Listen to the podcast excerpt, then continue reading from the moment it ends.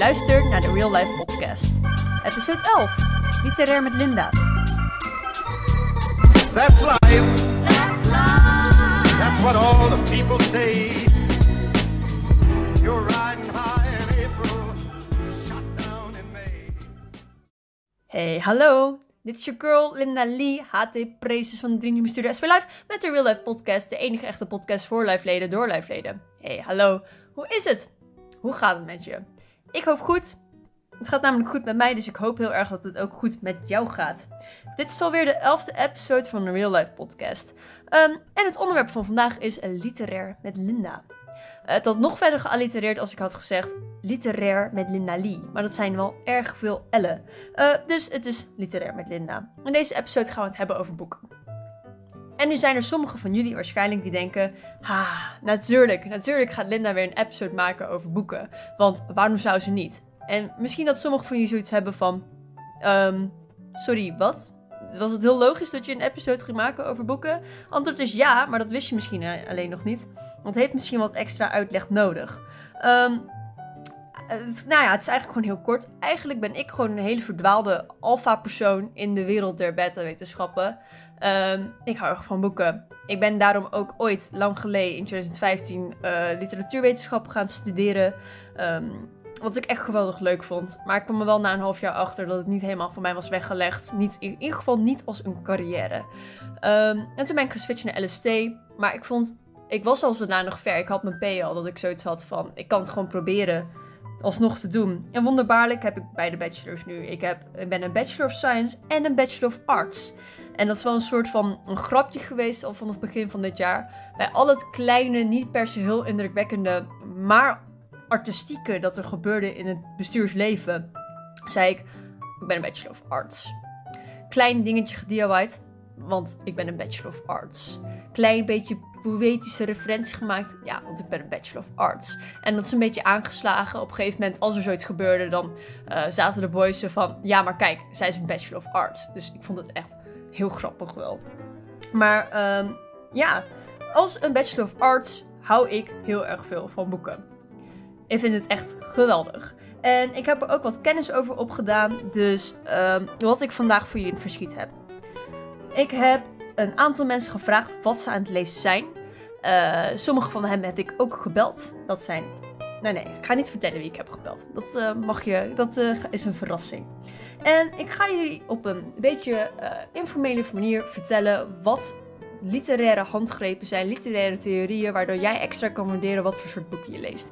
Mensen hebben namelijk heel veel verschillende wetenschappelijke theorieën gemaakt over waarom het nuttig is een boek te lezen, wat literatuur bijdraagt aan ons leven, hoe je kan kijken op verschillende manieren naar bepaalde soorten literatuur. En uh, er zijn mensen, ik weet niet of jij daar één van bent, dat op het moment dat je een soort van wetenschappelijk gaat kijken naar iets waar je van houdt, dat je dat een soort van dat voor jou verpest. Maar ik ben exact het tegenovergestelde. Ik vind het. Ik kan dingen juist extra waarderen als ik een soort van wetenschappelijke benadering voor heb. En zeker met literatuur is dat het geval geweest. Dus um, ik ga het vandaag eventjes hebben over drie verschillende manieren waarop je kan kijken naar uh, waarom literatuur eigenlijk nuttig is. Gewoon stom gezegd. Ik, ik, heb, ik voel de behoefte om aan jullie te bewijzen dat literatuur wel echt een purpose heeft in het leven. Dat het super cool is. En dat als je er nog uh, niet echt mee bezig was, dat er echt een reden is waarom jij gebaat zou zijn met het lezen van een boek. Dan meteen over de mensen die ik heb gevraagd uh, wat ze aan het lezen waren en die hebben gereageerd. Meteen een shout-out naar Jared Pijman. Hij heeft namelijk gereageerd op onze Insta-story met uh, dat hij zijn vriendenboekje aan het lezen is en dat die akelig leeg is. Can I get een F in de chat voor Jared Pijman? Oh. Ik wil graag iedereen oproepen iets te schrijven in Jared's vriendenboekje, dan wel niet digitaal, om die jongen op te beuren, want Jared, jij verdient een vol vriendenboekje. Ook meteen een shout-out naar, oké, okay, dit, uh, dit, is een hele lijst. Um, Mingim Hao, Timo van Reeuwijk, um, Timon Olsthoorn, Roos Vossen, en volgens mij ook Manon Slusserwij. Die zijn allemaal op het moment hetzelfde boek aan het lezen. Namelijk Molecular Biology of the Cell. Uh, zesde editie, uh, blauwe unit van Alberts et al. Succes jongens, allemaal met jullie tentamens. Um, is dat. Om te beginnen ga ik jullie wat vertellen over de geschiedenis van de literatuur. Dat vind ik wel een soort van een rustige manier om te beginnen. Omdat je niet meteen gooit wilde westen van de, latuur, uh, van de literatuurtheorie. Dat is misschien wel erg heftig, dus een beetje historie. Ik zie dat een soort van de natuureindgang van uh, deze podcast. Natuureindgang is toevallig een van de meest klassieke Um, en misschien zelfs stereotype manier om een verhaal te beginnen. Het is Duits en wordt letterlijk dan vertaald naar een ingang van de natuur. Uh, introductie via de natuur. En elke middeleeuwse tekst die je ooit hebt gezien begint via een natuureingang. Uh, alle Disney-films beginnen ook via een natuureingang. Ik bedoel, dan heb je een soort van beeld van een mooi bos of een mooie zee of mooie bergen, vogeltjes die fluiten. En dan vliegt, nou ja, je zoomt in op zo'n vogeltje en dan vliegt het vogeltje weg. En achter die ene tak waarop dat vogeltje zat, zit je hoofdpersonage en die is iets aan het doen of zo. Uh, dit is echt het stereotype begin. Let er een keertje op van bijna alles. Uh, maar het is een fijne manier om iets te beginnen. Je hebt iets breeds uh, waar je vanuit begint, iets rustiger naar te kijken. Niet meteen zieke actie of zo, maar je zoomt in naar iets wat belangrijk is. Het is een hele fijne manier. Fijne manier om in een verhaal te beginnen. Maar in een podcast is het misschien een beetje raar om meteen te beginnen over natuur. Dus ik denk dat een soort van equivalent in dit geval uh, is dat ik een beetje ga vertellen over het begin van de literatuur. Even rustig, bij het begin beginnen. Maak het misschien wel meteen een beetje ingewikkeld, want men weet dus niet echt exact wanneer de literatuur begonnen is. Um, heel lang schrijft men al, dat weet men wel. Um, want de Egyptenaren die zijn al heel lang bezig met hun hieroglyphen. En er zijn ook al super lang geleden al Chinese tekens gespot. Dus men weet niet exact, oké, wanneer ga je van het kunnen schrijven naar het uh, erkennen dat er literaire kwaliteiten zijn ontstaan, zeg maar. Wat is literatuur? Is ook echt een grote, interessante kwestie ook wel. Want um, er is ook een soort van het onderscheid dat niet alle geschreven werken literatuur zijn. Het hoort bepaalde grote, um, ja, ja, intellectuele, culturele kwaliteiten te hebben om literatuur genoemd te moeten worden. Wat literair is en wat niet literair is een discussie die ik niet heel erg uitgebreid zal aanhalen. Maar uh, wat ik er wel over wil uitweiden is dat een soort van een hele interessante discussie is tussen cultuur met een grote C en cultuur met een kleine C, dus capital en not capital, over grote werken die wij eigenlijk zien als literatuur. Bijvoorbeeld cultuur met een grote C, bij uitstek dingen zoals Harry Mulisch, Gerard Reven, waar je zoiets hebt van ja, ja, ja, om, om mijn heer, dat is wel literair, dat is kunst. Um, en dat we eigenlijk zoiets hebben van, als dat literair is, wat maakt dat literair en niet per se andere dingen? Waarom zou een boek van Stephen King, wat eigenlijk ook literatuur is, maar wat sommige mensen dan een soort van onderschrijven als het zijn van lectuur, um, zo, dat waren echt veel woorden in één zin. Een soort van onderschrijven als het zijn van, Jezus, um, dat die zien het als lectuur. En dat zou je ook kunnen zeggen, maar waarom is dat niet literair? Um, maar we zijn het een soort van wel over eens dat de achterkant van je shampoofles, dat is ook tekst, hè? Dat is ook een soort van, I guess, een semi-verhaal. Um, wat maakt dat niet literair? En er zijn heel veel interessante stromingen die zoiets hebben van alles is literair. Dus dat zijn de kunstenaren die een gouden toiletpot in een museumplaats zeggen: ja, het is kunst.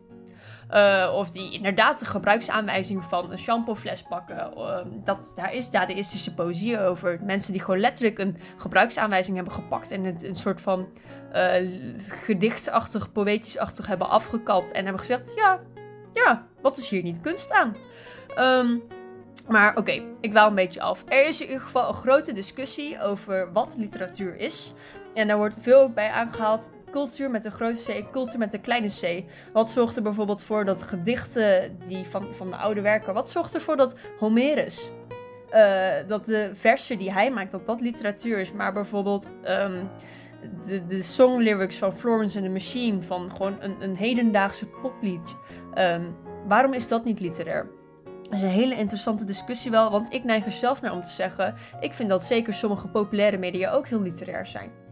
Maar men uh, heeft daar verschillende meningen over. Maar goed, er zijn dus een aantal werken die vanaf begin der tijden. Oké, niet vanaf begin der tijden, maar sinds heel erg lang geleden. En terwijl een soort van overeens was van: ja, dit is goed dit is slim. Dit is vast wel een soort van hogere waarde van geschreven werk. En ehm, dat zijn dingen zoals de Epic of Gilgamesh, die voor het eerst, denkt men, zijn kop heeft opgestoken circa 2000 jaar voor Christus. Um, Egyptian Book of the Death. Uh, dat origineert van circa 1250 jaar voor Christus. Dus super oud. dan zijn er ook nog heel veel werken die uh, in die tijd oraal zijn overgedragen. Nee, niet, niet op die manier viespeuk. Maar gewoon, die zijn gesproken en gezongen uh, of zijn verteld. Zoals Homerisen, Ilias en Odyssee. Dat is ook een interessante discussie die ik gewoon eventjes opgooi. Wanneer is iets literair als het is opgeschreven? Of als het is overgedragen of gezongen, is dat ook literatuur? Ook interessante discussie. Maar uh, toen had Maan zoiets van, ja, sommige werken die zijn echt super cool. Dus dat is literair. En dat heeft een soort van zo voortgemodderd in allerlei verschillende culturen. Ja, ik ben nooit zo geïnteresseerd geweest in de middeleeuwen, dus dat sla ik gewoon helemaal over. Um, en toen ineens waren we in de 15e eeuw. Grote sprong, I know. En toen was er een man, Johann Gutenberg. En de boekdrukkunst bestond al, maar hij was nog niet echt prevalent in Europa. En die man, Johann Gutenberg, dacht: dit is de printing press. Alsjeblieft. En revolutionair. Uh, ik weet niet exact of dat zo ging. Maar hij vond in ieder geval de printing press uit. En dat maakte het uh, een stuk makkelijker en goedkoper uh, voor mensen om teksten te produceren. Dus het was gewoon. Het boeken werden available voor een veel groter publiek dan eerst. En dat heeft een soort van de ingang van de literatuur in Europa ehm, bevorderd. En langzaam met de tijd zijn er allerlei verschillende soorten uh, literaire stromingen gekomen en gegaan en weer gekomen en gegaan. 18e eeuw met zijn verlichting, veel filosofie. Uh, en ik weet niet exact wanneer dat exact begint, maar er is in ieder geval een uh, romantische periode, periode geweest, een klassicistische periode, een realistische periode, een modernistische periode en een postmodernistische periode. Um, er zijn in ieder geval heel erg veel werk geschreven in verschillende stijlen. En mensen dachten om de zoveel tijd: dit is de ware deugd van de literatuur. En toen, een eeuw later, dachten ze: nee, nee, dit is de ware deugd van de literatuur. En dat veranderde gewoon een beetje. Prachtige werken waaruit voortgekomen. En ook hele lelijke. Maar hè. En, uh, maar echt kritisch nadenken over wat het nut is van de literatuur zelf ik weet, oké, het is een tijdje geleden dat ik literatuurlessen uh, uh, heb gehad, dat ik college heb gehad, ongeveer twee jaar terug. Maar zover ik me kan herinneren dat een professor ooit tegen mij zei, is dat het echt kritisch nadenken over wat literatuur is, is pas echt goed opgekomen aan het eind van de 20e eeuw. Dus dat is echt nog heel erg recent. Natuurlijk dacht men daarvoor ook wel na over, ja, waarom je literatuur schreef en wat het nut ervan was. Um, maar een van de werken waar we nog steeds over, nu over praten, in ieder geval binnen het literair kader, is uh, een werk uit 1988. Het is van Labomir Dol, Dolezel. Dol, Dolezel? Do, do, Dolezel. Ik, ik, wow. Het heet in ieder geval Mimesis and Possible Worlds. En is meteen een van mijn favoriete theorieën van de literatuur. Um, meneer, ik zal hem gewoon heel plat Dolezel noemen. Dat heb ik altijd gedaan namelijk. Meneer Dolezel. Hij uh, vraagt zich uh, mede soort van af van... Oké, literatuur. Wat doet literatuur eigenlijk? Wat is het nut van literatuur als wij het lezen? En uh, wat maakt literatuur literatuur? Stelt hij. En meneer Dolezel stelt... literatuur is nuttig op het moment dat het een duidelijke mimesis heeft.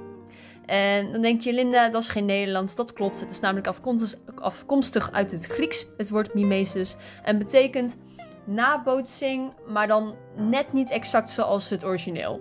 Een soort van plat gezegd. Simpel uitgelegd. Um, en dan denk je, nu weet ik alsnog niet wat mimesis is. maar het is eigenlijk best wel simpel. Want mimesis is het idee dat um, iets nut heeft om over na te denken op het moment dat het een soort van lijkt op iets wat we kennen, maar dan niet exact hetzelfde is. Dus wat meneer Dolezel eigenlijk stelt, gewoon als een voorbeeld in een boek, is dat uh, als een boek lijkt op de wereld die wij kennen, maar niet exact hetzelfde is, dan is het een cool boek. Want als het boek exact hetzelfde was als dat we al kenden, waarom zou je dan naar het boek grijpen? Want de wereld om ons heen is al exact. Uh, ja, ja, je kent dat al, je kan dat zien. Je hoeft daarvoor geen boek te hebben. Maar als het niet exact is zoals het om ons heen is, dan komt dat aspect van possible world theory uh, komt erin. Dus je hebt een soort van het idee van allemaal parallele universums. En je hebt die meme uh, over, oh ja, ja, this is the best timeline. Uh, dat in die parallele universums, zeg maar, dat er sommige uh, scenario's beter uitvallen dan de andere. Er is heel leuk om grapjes over te maken, maar dat is ook oprecht literaire theorie. Want het hele idee van mimesis en possible world theory is dat een boek eigenlijk een soort van parallel universum aan onszelf um, voorstelt. En dan kunnen wij erover nadenken. Wat vinden wij daarvan? Um, vind het goed? Vind het slecht? Denk we nou, this is the best timeline? Of kijk je naar het boek en denk je, no, no, no, no, that is the best timeline. En het helpt ons heel erg een soort van te kijken naar onze eigen wereld. Wat vinden we goed aan? Wat vinden we slecht aan? Um, een goed voorbeeld dat ik kon bedenken is The Man in the High Castle. Oh, wacht, hoe heet hij ook alweer? Hij is van Philip K. Dick, dacht ik.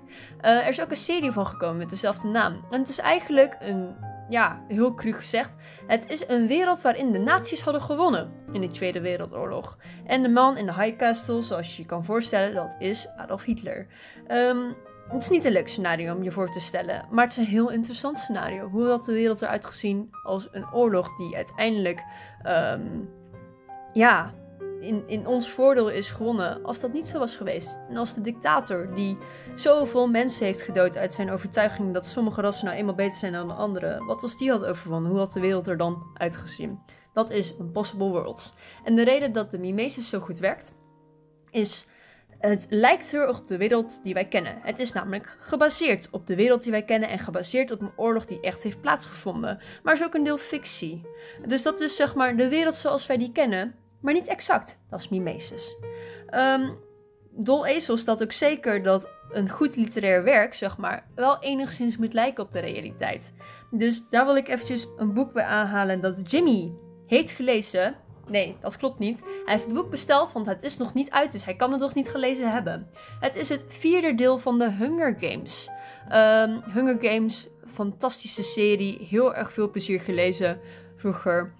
En het vierde boek, dat is een soort van prequel. Je hebt dus uh, deel 1, 2, 3 gehad van Katniss Everdeen. En heel erg ver in het verleden heb je dan het vierde boek. Dat heet The Ballad of Songbirds and Snakes.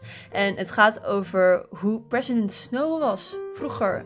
in een hele eerdere Hunger Games. Mm, dus uh, Jimmy heeft dat besteld. Hij kijkt er erg naar uit. Hij is net zoals ik een groot fan van de Hunger Games serie. Shout out naar Jimmy. You are the best.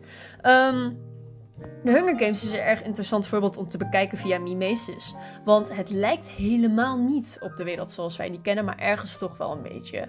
Um, dus dat maakt het heel erg interessant, want onze wereld, als je, oké, als je de wereld van de Hunger Games een beetje kent, is niet verdeeld in districten. Um, het heeft ook niet een soort van ja, epische battle waarin verschillende mensen tot de dood moeten vechten voor het genot van het mensen in het kapitool. Maar het heeft heel veel thema's erin die we wel herkennen. Het heeft uh, armoede versus hele rijke mensen. Het heeft mensen die gedwongen worden uh, om dingen te doen die ze niet willen. Onderdrukking zit erin. Rebellie zit erin. Symbool van de rebellie en van vrijheid zit erin. Het heeft een uh, heel erg sappy liefdesdriehoek. ik weet ja, ja. Dat, dat zijn allemaal thema's die we wel herkennen. Vechten voor je vrijheid dat is iets heel universeels en dit biedt een soort van een, een hele fictieve setting voor waarden die we wel allemaal herkennen. Dus in die zin is er ook nog genoeg uh, genoeg van de echte wereld, uh, waar we parallel naar kunnen trekken, waar we ons mee kunnen identificeren, maar er is ook genoeg anders. Dus het biedt genoeg om een soort van alternatieve reflectie te zijn op wat deze realiteit is. Dus dat vind ik echt super interessant. En dat is wat Jimmy uh, gaat lezen. Andere voorbeelden die ik heel erg kon bedenken bij Mimesis en Possible World Theory waren de, een beetje, ja, de toch wel een beetje dystopische werken zoals 1984 en The Brave New World. En ik denk dat je in werken zoals dat gewoon het meest duidelijk ziet wat de kracht is van literatuur.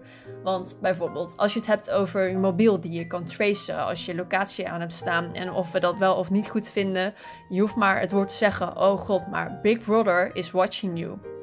En dan weet iedereen wat je bedoelt. Je hebt meteen een voorbeeld van je hoofd van hoe zo'n toekomst eruit zou zien.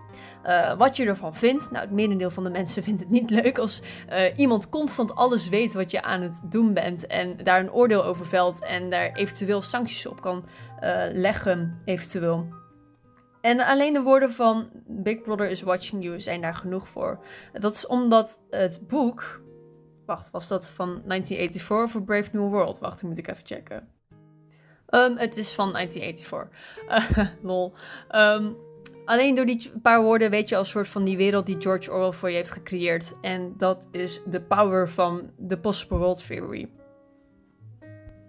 Dan wil ik het even hebben over een boek dat Roos Vossen aan het lezen is. Hey girl, als je luistert. Zij is de laatste tijd begonnen aan de boeken van Dan Brown, die je waarschijnlijk kent van de Da Vinci Code. En een van de boeken waar ze in bezig is, is uh, The Origin, de oorsprong van Dan Brown. En Dan Brown is een schrijver. Hij is ook zo'n goed voorbeeld van goede mimesis. Het, zet zich in, het speelt zich af in deze wereld die wij kennen, in grote steden zoals we die ook vaak kennen, zoals Parijs. Um, het haalt terug op ja, een katholieke kerk die wij ook kennen, maar het heeft ook genoeg elementen van fictie. Zijn raadsels, zijn complotten en dingen, dingen. Het spreekt tot de verbeelding. Het heeft iets wat we kennen en het heeft iets wat hij een soort van op reflecteert. Een possible world, wat nou als deze mysteries echt in de wereld hadden bestaan. Roos slaat, by the way, uh, alleen Dan Brown boeken aan van de goede Dan Brown uh, fase. En daarmee wordt gedefinieerd alle boeken na de Da Vinci Code, in principe. Maar niet per se de boeken daarvoor, want die zijn niet altijd even goed. Ik kan me herinneren dat ik ook een boek heb gelezen voor zijn Da Vinci Code doorbraak. En ik, moet, ik sluit me daarbij aan, Roos. Die zijn niet even goed als de boeken daarna, nee. Dus uh, Dan Brown, ook een erg fijn boek om te lezen nu. En dat is eigenlijk een beetje alles wat ik te zeggen had over Mimesis en Possible World Theory. Een andere hele interessante theorie is a window to the world theory. En anders dan de vorige theorie is deze B iets meer recht toe recht aan met zijn naam. Het is het idee dat literatuur een window biedt naar een wereld die je uh, niet eerder hebt meegemaakt. Het is in die zin een hele positieve theorie eigenlijk. Het is het idee dat literatuur werelden voor je kan schetsen die je in je normale leven niet zo snel zou mee kunnen maken. Dus dat literatuur echt een verrijking is voor um, je leven. Dat je allemaal dingen mee kan maken door middel van boeken. Ik vind dat een hele goede kijk op literatuur. Een hele, hele positieve, vrolijke vibe. Um, maar er zijn kritieken geuit over deze theorie. Want het gaat niet altijd over rozen hier. Um, een goed controversieel voorbeeld, misschien dat je die ooit hebt moeten lezen, is van uh, Coetzee uh, met Waiting for the Barbarians. Die speelt zich af in Zuid-Afrika. En uh, dit is een boek dat wel echt een soort van is opgenomen in het klassieke literaire kanon van de wereldliteratuur. Uh, maar controversie. Want het is eigenlijk best wel een. Uh, uh, men ziet het als een soort van de literaire representatie van Zuid-Afrika. Maar Zuid-Afrika is natuurlijk een stuk meer dan alleen voorkomt in dat boek. Dus um, je krijgt inderdaad een soort van beeld van hoe het land is, hoe de mensen erin zijn. Maar om dat alleen te baseren op de ervaringen, uh, hoe, hoe, hoe, dat heeft laten zien in uh, het boek. Dat doet eigenlijk het land tekort en maakt het veel te abstract. Dus uh, dat is ook een downside van A Window to a World Theory. Een, een ander voorbeeld dat ik ervan heb is van uh, Haruki Murakami. Murakami, de Japanse schrijver. Die is best wel bekend geraakt in de laatste paar jaren. Um, hij staat een soort van geadverteerd in de glazen, uh, in de etalages van de boekenwinkels als de um, super exotische Japanse schrijver. En dat je een soort echt een wereldmens bent als je Murakami leest. Tenminste, dat is altijd het idee dat ik daarvan krijg als ik dat zie in etalages. Maar Murakami is eigenlijk een schrijver. Die is helemaal niet traditioneel Japans in zijn schrijfstijl, vind ik vinden sommige, sommige meer bekwame literaire critici dan ik vinden dat ook. Hij schrijft namelijk over dingen zoals uh, over, over liefde, over, over seks, over jazz, over drugs. Um, hij is helemaal niet traditioneel Japans wat het betreft, maar juist heel westers. En um, dan kan je je afvragen, als je Murakami wil gebruiken als een window to a world voor Japanse cultuur. Nou ja, het speelt zich vaak af in Japan. Het heeft ook degelijk, wel degelijk um, gedeeltes Japanse cultuur uh, en mannerisms heeft het erin zitten. Maar het is niet een, een goede representatie eigenlijk van wat Japan is of van wat Japanse literatuur überhaupt is. Hij valt namelijk heel erg ver, Murakami dan, valt best wel ver uit het kanon van alle andere Japanse hooggewaardeerde schrijvers binnen Japan zelf. Um, dus dat is ook super interessant. Window to a World als een manier om um, allemaal ervaringen tot je te doen met behulp van boeken, maar ook als een, misschien een abstractie, een toe-eigening van datgene waar het boek over gaat. Ja. Ja, super interessant. Ik vind het echt geweldig interessant. Ik hoop dat je nog steeds luistert. oh, oké. En voordat we het weer over gezellige dingen gaan hebben, ga ik het nog hebben over nog een andere serieuze theorie. Um, de ander-theorie. De ander-theorie vind ik ook mega interessant. Het gaat namelijk letten over de representatie van iemand die anders is in boeken. Dit wordt vaak besproken aan de hand van koloniale of postkoloniale literatuur. Oké, nu snap je waarom ik zei dat het eerst serieuzer moest gaan worden voordat we weer over leukere dingen gingen hebben. Postkoloniale literatuur. Uh, andervormige literatuur is weer heel anders dan de vorige twee eh, theorieën eigenlijk. Het gaat niet per se over de wereld, het gaat echt over personen. Tenminste, zo heb ik het altijd geïnterpreteerd. De ander hoeft niet per se altijd de persoon te zijn hoor. Het is dat je een boek begrijpt, uh, een, beeldschets van iets dat een ander is ten opzichte van jezelf. Dus dat je de personages in het boek of de wereld van het boek definieert door wat jij wel of niet bent. Um, dit klinkt super abstract, maar stel je hebt een boek en het gaat over postkolonialisme in India. En jij leest dit als een Nederlander, uh, nu gezet in het begin van de 21ste eeuw. Uh, jij ziet verschillen tussen jou en het hoofdpersonage uit postkoloniaal India. Um, en het idee van de ander-theorie is, is dat de ander wordt gedefinieerd, maar ook dat jij jezelf definieert aan de hand van wat jullie verschillend van elkaar maakt. Um, dus jij vormt jouw identiteit door te zien wat jij niet bent. En door te zien wat jij niet bent, zie jij in de ander, want die is anders dan jij. De ander is trouwens altijd geschreven met een hoofdletter A. En dat onderscheidt een soort van, als je mensen de ander ziet schrijven met de hoofdletter A, dan weet je, ah, die heeft kunst gestudeerd die weet van andere theorie. Dit is een hele interessante theorie, maar ook een hele schadelijke theorie. Want je denkt zoveel in polarisatie. Als je het hebt over jezelf en de ander, dan heb je het over um, iets wat jij bent en wat de ander niet is. Of iets wat de ander is en wat juist, jij juist niet bent. Er is dan altijd een ding zoals goed en kwaad, sterk en zwak, um, mooi en lelijk, uh, meester en slaaf. Het gaat dan snel die kant op. Maar het is ergens ook heel nuttig, want het hele idee van andervormingtheorie uh, is dat jij snapt wie je bent door te weten wat je niet bent. En dat kan in een positieve zin zijn en dat kan ook in een negatieve zin zijn. Een van de eerste boeken waarbij ik aan moest denken toen ik het bedacht: oké, okay, andervormingtheorie, dat is dan um, De Zwarte met het Witte Hart van Arthur Chapin. En daarin gaat het over iemand die zwart is, maar zich wit voelt. Heel kort door de bocht gezegd eigenlijk. En je zal, als je erop let, in naoorlogse literatuur zal je vaak de ander terugzien. Um, dus dat daarover. Maar je kan de ander ook natuurlijk zien in een meer. Uh, het is niet alleen maar grimmig. Het kan ook op een leuke manier worden gebruikt. Bijvoorbeeld in, uh, vind ik dan, Hitchhiker's Guide to the Galaxy. Echt een fantastische serie. Uh, ik denk dat eigenlijk heel veel mensen die gewoon LSD studeren dit een geweldige serie vinden. Want het is heel wetenschappelijk, maar het is zo grappig. Het is echt fantastische satire. En wat heel interessant is, is daar heb je het hoofdpersonage. Arthur Dent heet hij. En hij is een aardbewoner. En hij gaat dus op soort van op een absurde, absurd avontuur door het uh, universum en door de galaxy. En ik zou eigenlijk willen zeggen, in dit verhaal is de mens die ene persoon, eigenlijk de, meest normale guy van de hele cast, Arthur Dent, is de ander. Terwijl um, dat heel interessant is, want het is een, een, een normale middle-aged witte man, volgens mij. Um, en hij is de ander. Want er zijn allemaal nog meer freaky personen, buitenaardse wezens, suicidale androïdes, zeg maar, die present zijn in het boek. Dus de witte guy is de ander. Fantastisch. En misschien is het je opgevallen, want het viel mij op. In deze laatste twee uh, theorieën heb ik eigenlijk geen voorbeelden genoemd van wat men aan het lezen is.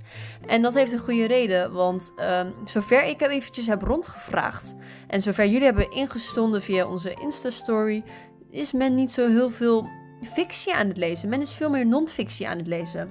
En als men al fictie aan het lezen is, dan is het meer toepasbaar op Possible Worlds uh, dan Window to World of de andere theorie.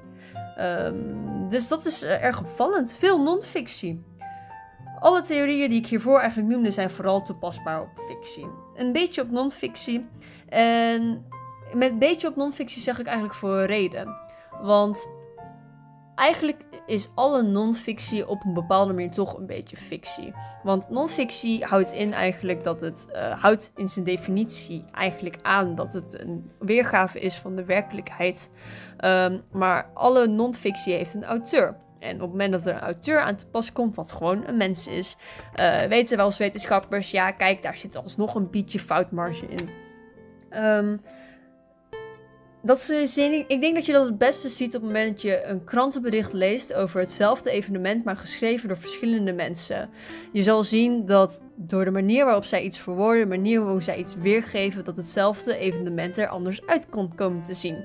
En dat geldt eigenlijk ook voor non-fictie, geldt voor geschiedschrijving, geldt voor documentaires.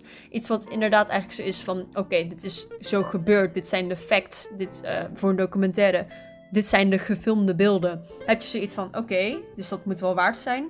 Maar heel erg de manier waarop iets geëdit is, of in welke volgorde het wordt verteld, of de toon waarop het wordt verteld, beïnvloedt jouw oordeel als kijker, als lezer heel erg. Dus in alle non-fictie zit een beetje fictie.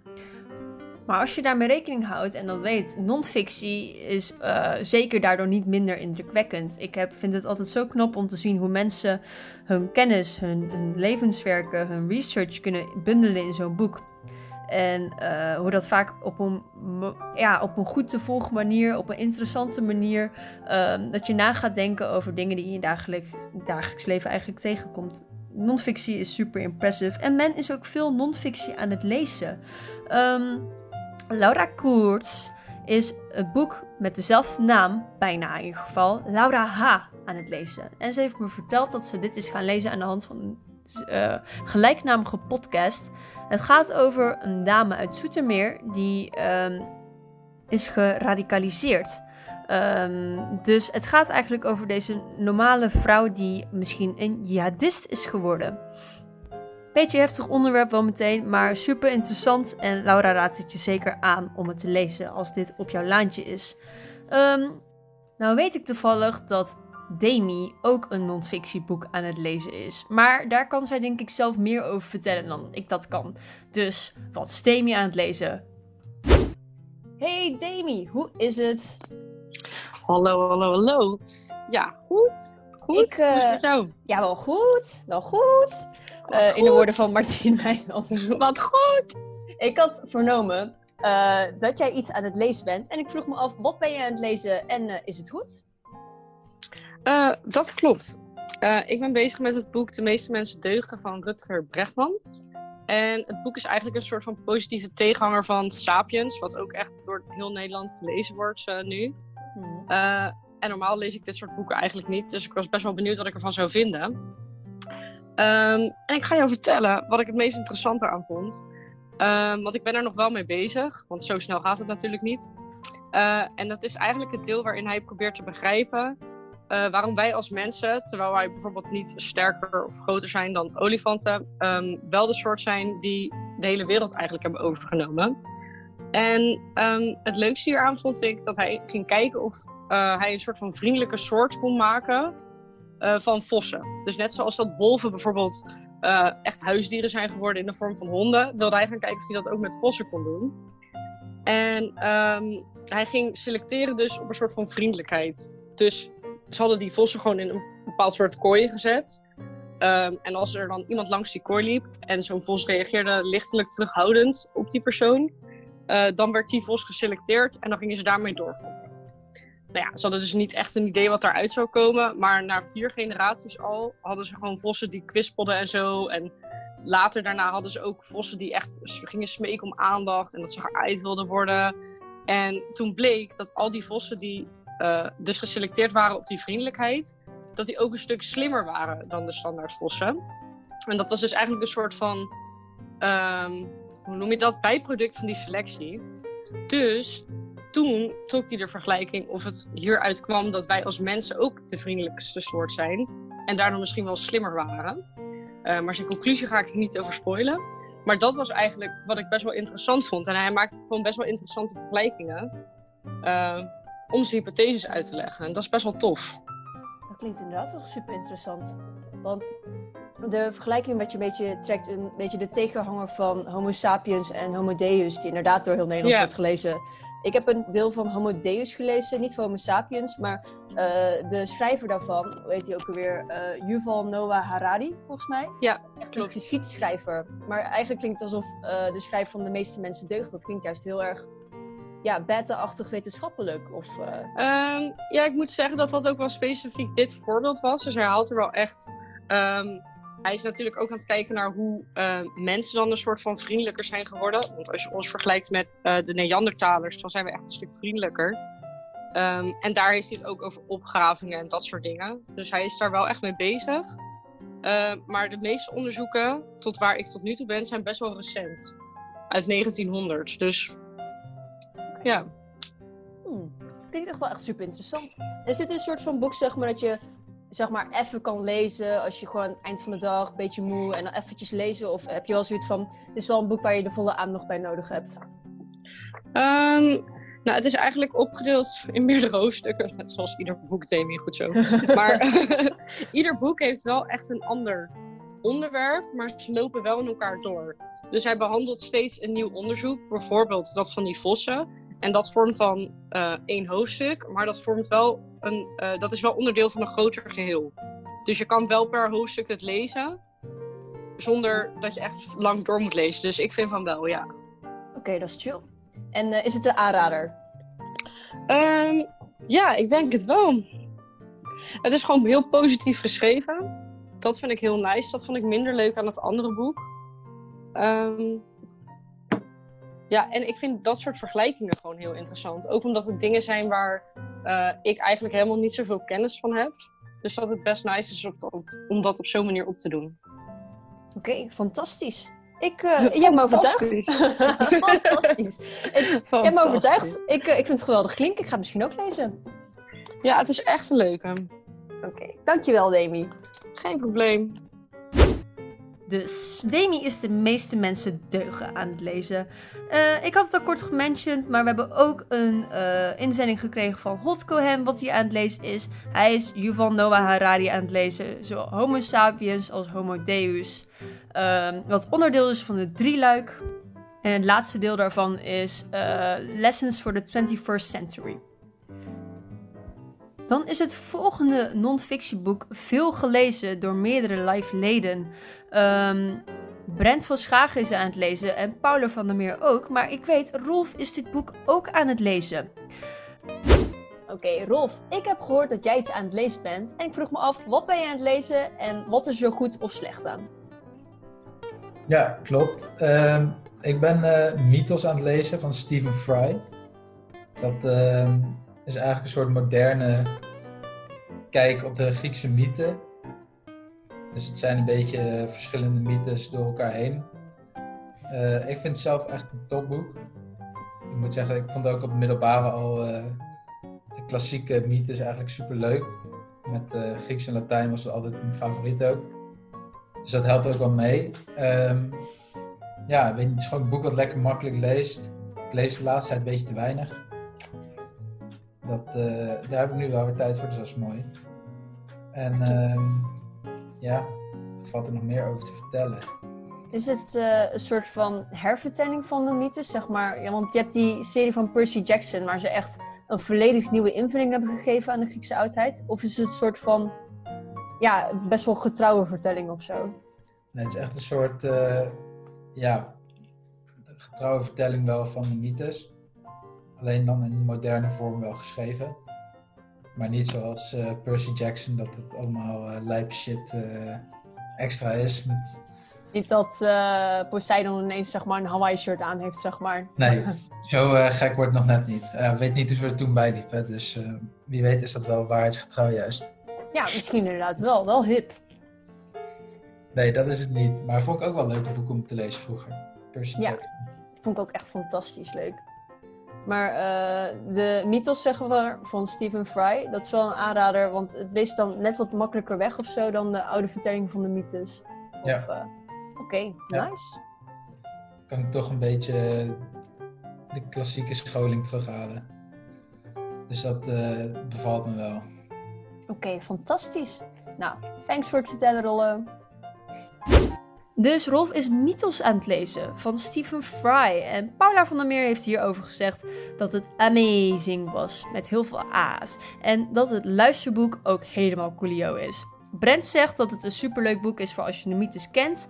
Ehm, omdat het zeg maar een nieuwe manier is waarop het wordt verteld. Maar ook dat het heel erg leuk is voor mensen die nog niet zo bekend zijn met de Griekse mythe als een eerste kennismaking. Dus meerdere mensen die het super aanraden om mythos te lezen. Ik heb er inderdaad ook goede dingen over gehoord. Wat heel interessant is wel, is dat mythen ehm, niet echt in het laantje vallen van de theorieën die ik eerder heb benoemd. Je zou ze kunnen zeggen het is een possible world theory. Maar mythen zijn vaak een verhaal waarin echt een les, een moraal in zit. En dat onderscheidt zich dan weer van de andere manieren waarop je kan kijken naar literatuur. Dus dat is ook heel erg interessant. Ehm, mythes en legendes zijn eigenlijk een genre op zich weer helemaal. En dan denk ik eigenlijk dat we een beetje aan het eind van onze tijd zitten. Ik wil nog een shout-out geven naar Sam Houdik. Wat hij aan het lezen is, is een artikel voor zijn web. Dat gaat over cofactor balancing. Met een hele lange naam die ik voor de rest eigenlijk niet meer echt onthouden heb. En ook eentje naar Brechtje Huisman. Zij is ehm, The Theory of Everything van Stephen Hawking aan het lezen. En omdat dat best wel een beladen boek is, wisselt het af om de zoveel tijd met een ander boek. Namelijk The Rosie Project van... Oh shit, het is een moeilijke naam. Graham Sim. Maar het heet in ieder geval The Rosie Project. En die, die, die eh, aanpak van het lezen van iets serieus, maar ook iets luchtigs ernaast lezen. ehm, ik ben er ook echt positief over, dus eh, dat is erg aan te raden. Dan eh, hoop ik eigenlijk dat je een beetje genoten hebt van deze podcast over boeken. Als je meer wil horen over mijn gespuien, mijn eh, geblaat over hoe mooi boeken wel niet zijn, ehm, laat het weten. Ik vertel er met liefde over. Ik hoop dat je een beetje van hebt genoten. Ik hoop dat je wat nieuws van hebt opgestoken. En eh, eventueel dat je wat nieuw leesvoer hebt opgepakt. Ehm, dan zal de volgende episode van de Real Life Podcast weer zijn. Volgende week op dinsdag, stevast om 3 uur. Eh, ik heb eigenlijk nog helemaal niet bepaald wat dat gaat worden.